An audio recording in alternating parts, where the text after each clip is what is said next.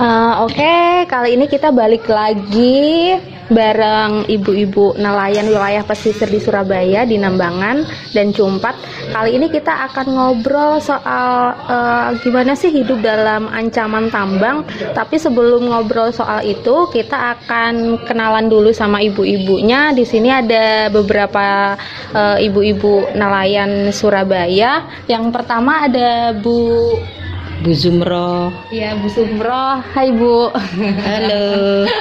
uh, terus ada siapa lagi nih dengan Ibu? Dengan Ibu Saada, Jumpat. Oh iya. Uh, yang terakhir uh, dengan Ibu Ibu Hilma Nambangan. Oh iya. Jadi di sini ada dua kampung uh, nelayan, ada Nambangan dan Cumpat. Nah, sebelum kita so ngobrol soal hidup dalam ancaman tambang, aku pengen tahu sih sebenarnya kalau arti laut bagi masyarakat pesisir itu gimana? Kalau menurut Mbak Jum, arti laut bagi uh, masyarakat pesisir itu apa, Mbak? Kalau menurut saya sih ya untuk mencari untuk mencari rezeki. Suami kita kan cari ikan kerang. Adanya kan di laut jadi kita menurut saya laut itu sangat berarti sekali sangat berharga sekali. Kalau menurut Ibu Sadah arti laut bagi Ibu itu apa Bu? Arti laut bagi saya itu adalah sumber mata pencaharian bagi semua warga Nambangan Jombang. Soalnya kami mayoritas di warga Nambangan Jompat itu melaut. Penghasilannya itu mayoritas dari laut itu sendiri. Maka dari itu bagi saya adalah sumber mata pencaharian warga kami di Nambangan Jompat. Oke, uh, tentunya arti laut bagi masyarakat pesisir akan berbeda dengan uh, masyarakat umumnya yang tinggal jauh dari pesisir karena setiap harinya berhubungan dengan laut uh, untuk mencari makan juga di laut dan melakukan aktivitasnya di wilayah pesisir. Tapi ini Bu, e, menurut catatan Muhammad Afandi atau Bang Ojut, kegiatan pertambangan pasir di wilayah Selat Madura ini ternyata sudah ada dari tahun 1970-an ya Bu, dan sempat terhenti di tahun 2000-an. Tapi di awal tahun 2005 itu kegiatan pertambangan pasir mulai ada lagi ya Bu ya. Nah kalau menurut Ibu ada nggak sih dampak dari pertambangan pasir yang sudah ada sejak zaman dahulu itu? Kira-kira apa nih, Bu?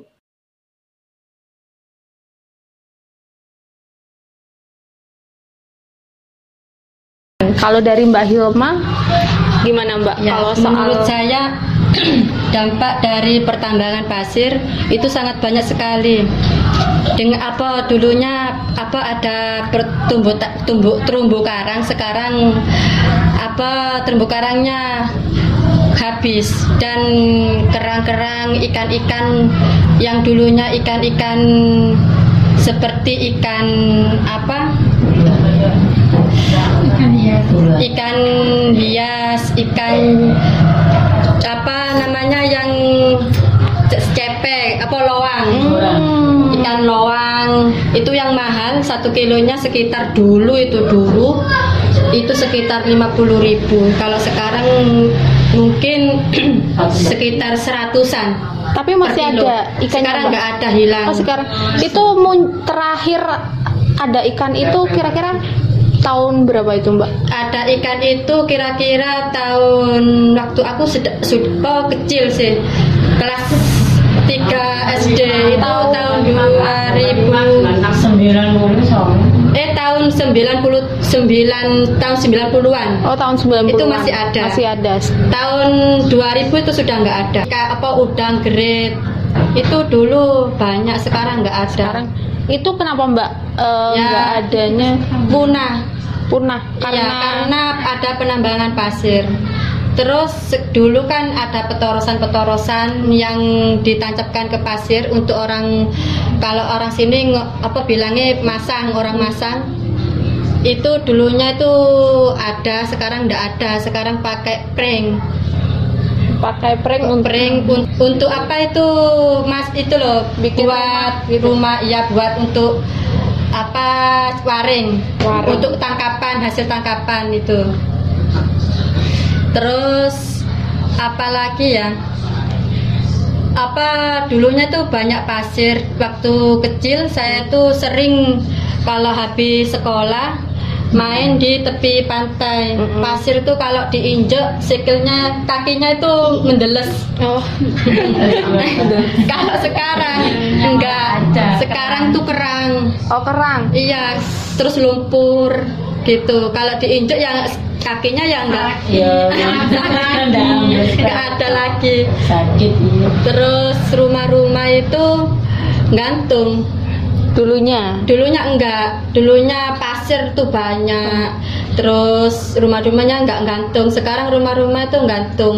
Dan diper, diperbarui lagi rumahnya gitu Jadi eh, perubahan iklim dan juga abrasi itu juga mempengaruhi ruang eh, ruang gerak untuk masyarakat. Nah, dulunya kan Mbak Hilma bisa main di tepi-tepi pantai, bisa masih menikmati pasir kayak gitu. Nah, kalau sekarang anak-anak tuh kira-kira mainnya di mana ya, Mbak? main hari Pokoknya sekarang udah handphone ya. Jadi meskipun eh, tinggalnya di Pesisir tapi sekarang sudah tidak bisa menikmati pasir pantai gitu ya Bu ya. Iya. Eh, nah itu tadi kan salah satu dampak akibat pertambangan pada tahun 2005 di wilayah pesisir Nambangan Jumpat dulu ada ada pertambangan oleh PT Gora namun berhasil diusir. Nah, eh, saya mau tahu dulu gimana sih usaha yang dilakukan ibu-ibu nelayan untuk mengusir eh, pertambangan itu? saat itu yang dilakukan oleh ibu-ibu untuk eh, mengusir atau menghentikan aktivitas pertambangan yaitu meyakinkan kepada seluruh masyarakat nelayan ada yang ada di sini bahwa dampaknya eh, aktivitas pertambangan itu akan mempengaruhi eh, penghasilan nelayannya. Jadi ka- setelah melakukan sosialisasi dan mengumpulkan meyakinkan lalu mengumpulkan warga kita melakukan demo bersama-sama. Melakukan maksudnya melakukan aksi eh, aksi untuk mencek apa untuk eh, menolak adanya pertambangan itu. Lalu ada juga yang dilakukan itu seperti burda keliling. Apa itu? burda. keliling. Burda keliling itu semua Ya, kegiatan jadi eh, kegiatan masyarakat yang kita bersama-sama seluruh desa, entah itu tua, muda, anak kecil, laki-laki, perempuan itu menjadi satu. Kita mengelilingi desa, berjalan bersama-sama sambil melantunkan salawat burda. Oh. Jadi salawat burda itu seperti ini. Maulaya sholli wa salim daiman abada. Itu terus dilakukan. Terus ada juga eh, bapak-bapaknya naik perahu ke untuk mendatangi apa kapal pertambangan. Mereka itu mengusir. Jadi pada tahun 2000. Eh, eh, pada tahun 2006 2012. eh 2012 ya karena kan waktu itu eh, PT PT Goranya ini dia bisa melakukan aktivitas pertambangan karena dia diberi akses karena dia disetujui oleh eh, seperti kecamatan, pihak kecamatan dan kelurahan waktu itu. Jadi saat itu pada tahun itu kita hanya em, apa meng- melakukan Masih protes. Mbak. Protes. Vietnam itu masih warganya itu masih masih banyak yang yang setuju dengan yang menolak. Oh, jadi pada tahun 2006 itu warganya masih ada yang pro sama pertambangan karena masih belum tahu dampak Ya, dampak juga pertambangan waktu itu. ya waktu itu kan ini mbak waktu itu ku waktu itu dia tuh sudah tahu cuman dia tuh nggak mungkin bisa mengalahkan gitu loh tadi mau nggak mau ya setuju gitu karena juga dikasih imbalan kan mbak Oh, gitu. Iya. Tapi mulanya sampai eh, sebegitu masif atau masanya itu langsung banyak menolak itu awalnya kenapa Mbak? Ya itu Mbak diyakinkan lagi. Oh diyakinkan. pada tahun 2012 itu kan yang tadinya 2005 kan sudah gagal. Tahun 2012 itu orang-orang mengerti kalau tahun 2005 2005 itu gagal berarti 2012 bisa digagalkan. Jadi orang-orang itu apa melanjutkan melanjutkan ya aksi penolakan. penolakan yang tadinya setuju jadi nggak setuju Jadi soalnya menolak. dia punya pemikiran. pemikiran wala bisa digagalkan kalau dulunya kan di- dia kan cuma punya pikiran nggak mungkin gagal. Uang ke- kita musuh dengan pemerintah gitu. Iya, jadi eh, pada waktu itu yang melakukan aksi penolakan bukan hanya laki-laki saja, tapi perempuan juga melakukan berperan penting dalam proses pengusiran tambang pasir itu. Nah, eh, kalau gini nih Mbak, kalau wilayah kalau pas musimnya nggak musim ikan gini, nah kira-kira apa- ada nggak sih hal-hal yang dilakukan sama perempuan nelayan kalau misalnya lagi nggak musim ikan, kira-kira gimana tuh Mbak untuk mengatasi kebutuhan ekonomi sehari-hari? Masa ada saja nggak kain. Apa Mbak? Kira-kira Mbak, kalau misalnya lagi paceklik nih, kan ibu-ibu biasanya harus berpikir keras untuk memenuhi kebutuhan. Bisa bisa jual. ya untuk membantu suami waktu musim paceklik itu istri itu harus bisa berpikir untuk membantu. Kalau saya sendiri sih terus terang saya jualan kain meteran itu untuk membantu suami saya pas waktu paceklik itu. Tapi alhamdulillah meskipun sedikit bisa membantu perekonomian keluarga. Tapi kalau untuk warga yang lain itu setahu saya ada yang jual gorengan, ada yang jual online, jual secara online itu sekarang alhamdulillah sudah banyak yang bisa. Jadi itu sedikit-sedikit bisa membantu perekonomian keluarga. Tapi untuk masa pandemi ini saya saya apa? Saya mau terus terang itu sangat berkurang penghasilan ibu-ibu atau semua warga di sini yang berjualan itu di masa pandemi ini berkurang sekali karena apa? Taman-taman di Taman Surabaya itu ditutup. Oh, udah nggak Terus- bisa jualan ya? Iya, sudah nggak bisa jualan. Terus pasar-pasar itu sepi juga. Saya sendiri juga mengalami apa pengurangan perekonomian itu sangat drastis sekali di masa pandemi ini. Tapi untuk yang online, insya Allah masih lancar kalau saya lihat di pengalaman teman-teman.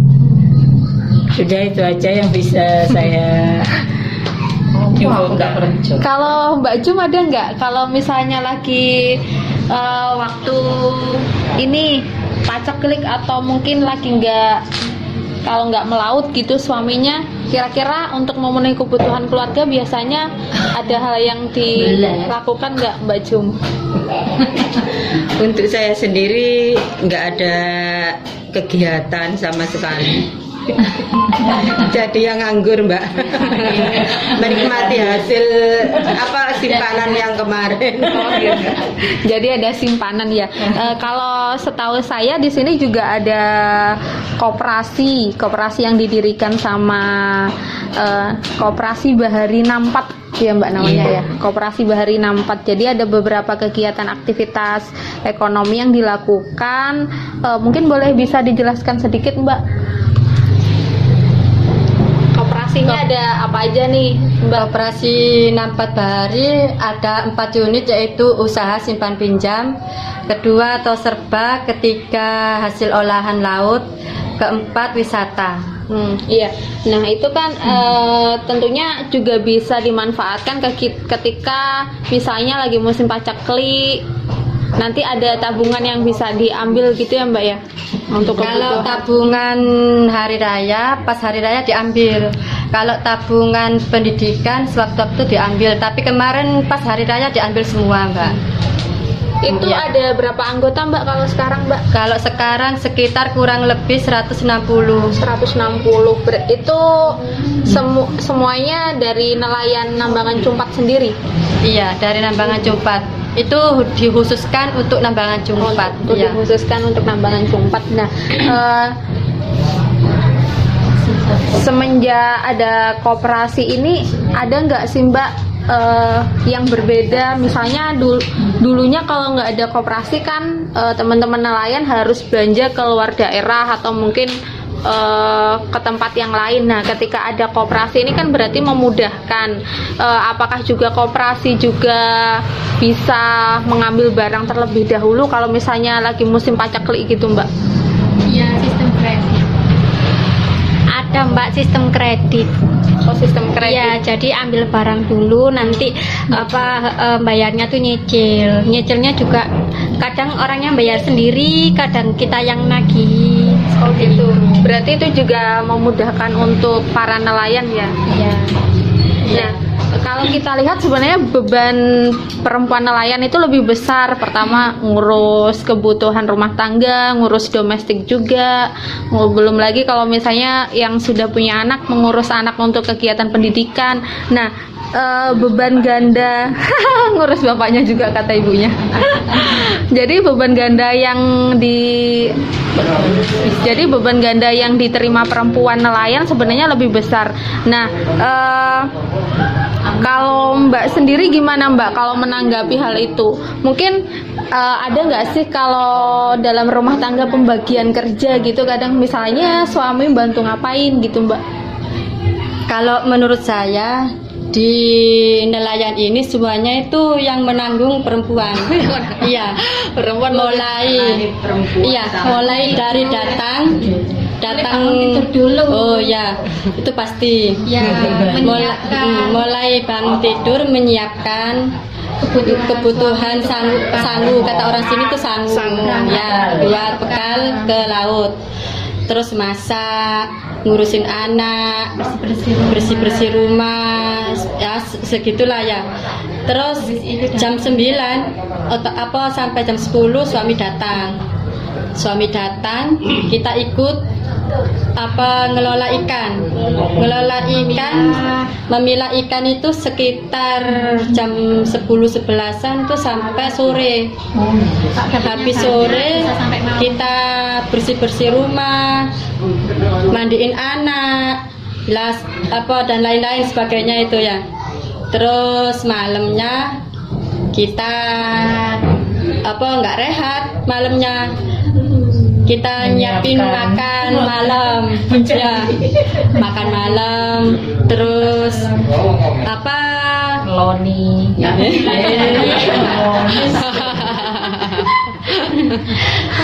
apa? Nganter-nganter anak-anak ngaji terus belajari anak sampai malam gitu menidurkan anak anak kan tidak mungkin tidur sendiri pak minta Pasti di Nina ibunya. boboin Kalau dapat Ya. ikannya sampai malam biasanya. Pernah. gitu pernah itu kalau ya, anu dapatnya banyak itu sampai malam jam 10 ndak Nggak selesai. ndak selesai-selesai itu kalau diolah sendiri itu mbak ya jam 2 itu sudah bangun. Oh. dua malam. Jadi kapal datang jam berapapun harus enggak kapal datangnya siang. Oh, cuman malam itu kan di es Filet loh itu loh. di filet diasinkan. Kita harus bangun. Mm. jam 2 itu harus bangun untuk filet Iya, gitu. diasinkan itu di filet. Itu sampai pagi mbak jam 7 siang. Apa pagi itu? Kadang ada yang sampai jam 9. Iya jam 9 Jadi kalau kok dapat banyak itu sampai jam 9 siang. Intinya semakin banyak semakin melimpah ikan yang didapatkan semakin kita nggak punya uang Iya Ya gitulah Masa jam siji bengi teko ya jam siji. Iya, itu tadi yang jaring. Ini Terus kan yang ada eh, kalau ada yang apa namanya nelayan Nelayan tadi. Oh, oh kalau itu nelayan jaring. Iya. Kalau yang nelayan petorosan gimana sistemnya?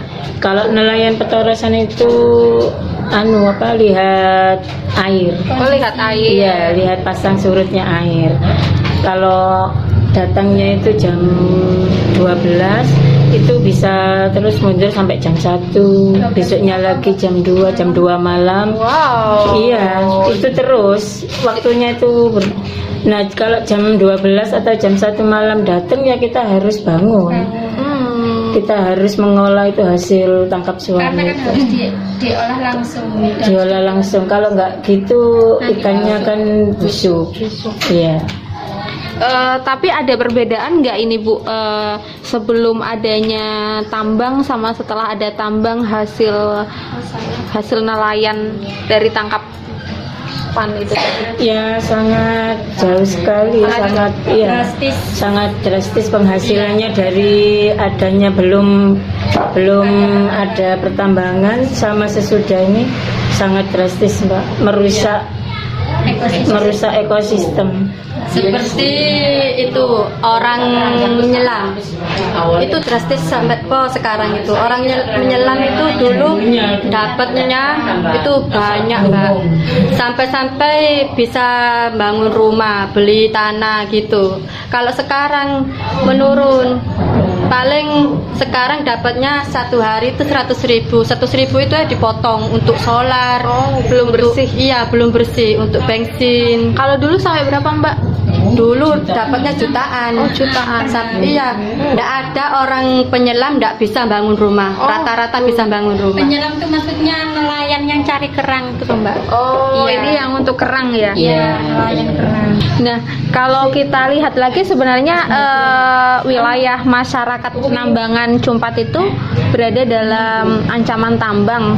Apalagi dengan adanya RZWP yang tiba-tiba disahkan gitu ya, eh, yang sewaktu-waktu bisa adanya adanya tambang lagi. Gimana Bu kalau menanggapi itu Bu? Kan eh, wilayah Selat Madura itu kan juga kena zonasi wilayah pertambangan yang sebenarnya kapan aja bisa ditambang gitu. Kira-kira kalau misalnya ada pertambangan lagi gimana Bu? kalau ada pertambangan lagi ya sangat tidak setuju karena kan merusak lingkungan dan apa membatasi wilayah kita untuk bisa melaut.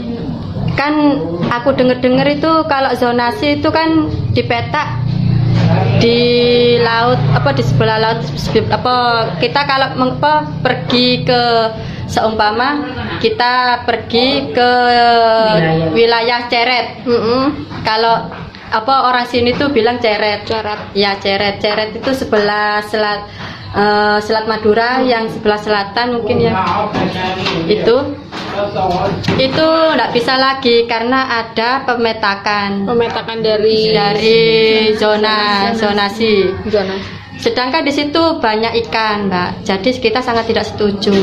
Jadi itu wilayah tangkap ikan nelayan untuk nelayan nambangan Cumpat ya Mbak? Iya. Di situ ya.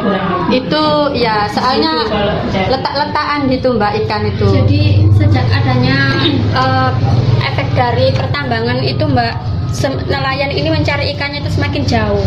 Kalau misalkan dilakukan eh, zonasi, itu kan dia akan membatasi para nelayan untuk mencari ikan ke tempat yang agak lebih jauh lagi. Karena kan semakin banyak pertambangan ikan-ikan kan akan pergi Mbak dari wilayah itu. Ya dibayangkan aja kalau misalkan dilakukan ad- pertama adanya adanya pertambang adanya pertambangan meskipun sudah sekarang diusir efeknya masih masih terasa dan efeknya itu salah satunya nelayan mencari ikannya akan lebih jauh dari tempat biasa dari tempat semula.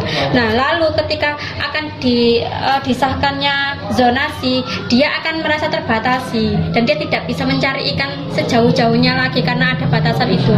Lalu kalau misalkan zonasi itu disahkan lagi dan ada adanya pertambangan lagi, ya otomatis kan seperti para nelayan ini di penjara untuk mencari ikan hanya di wilayah tertentu aja, sedangkan di wilayah ter- tertentu itu udah udah nggak ada ikan karena ikannya udah pada pergi. Materi pangan. Iya seperti materi pangan ya Mbak ya.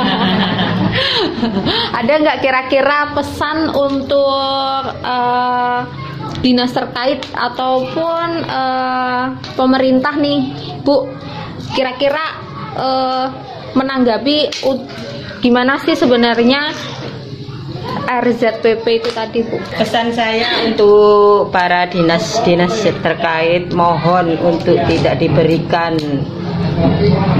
apa itu izin untuk pengambilan pasir di daerah Selat Madura dan dan untuk zonasi Z apa itu Mbak RZWP. RZWP itu mohon untuk ditinjau kembali atau dipelajari kembali untuk wilayah kami. Kalau kalau menurut saya eh, pesannya yaitu tadi eh, sama dengan apa yang dikatakan Ibu Jum karena ketika undang-undang itu disahkan itu mestinya harus ditinjau kembali apakah undang-undang itu menguntungkan untuk eh, masyarakat nelayan atau menguntungkan pihak lain. Karena adanya undang-undang tersebut mungkin bisa jadi ada pihak-pihak yang eh, memanfaatkan dan akhirnya para nelayan ini menjadi dampak menjadi apa namanya korban dari undang-undang tersebut seperti itu. Iya. Eh, Oke, terima kasih ibu-ibu atas sharing informasinya. Eh, Oke, mungkin segitu dulu hasil bincang-bincang kita sama ibu-ibu nelayan. Mungkin kita akan sambung lagi dengan topik yang berbeda. Terima kasih Bu. Terima kasih Bu Ju. Sama-sama. Terima kasih. Sama-sama. Sama-sama. Sama-sama.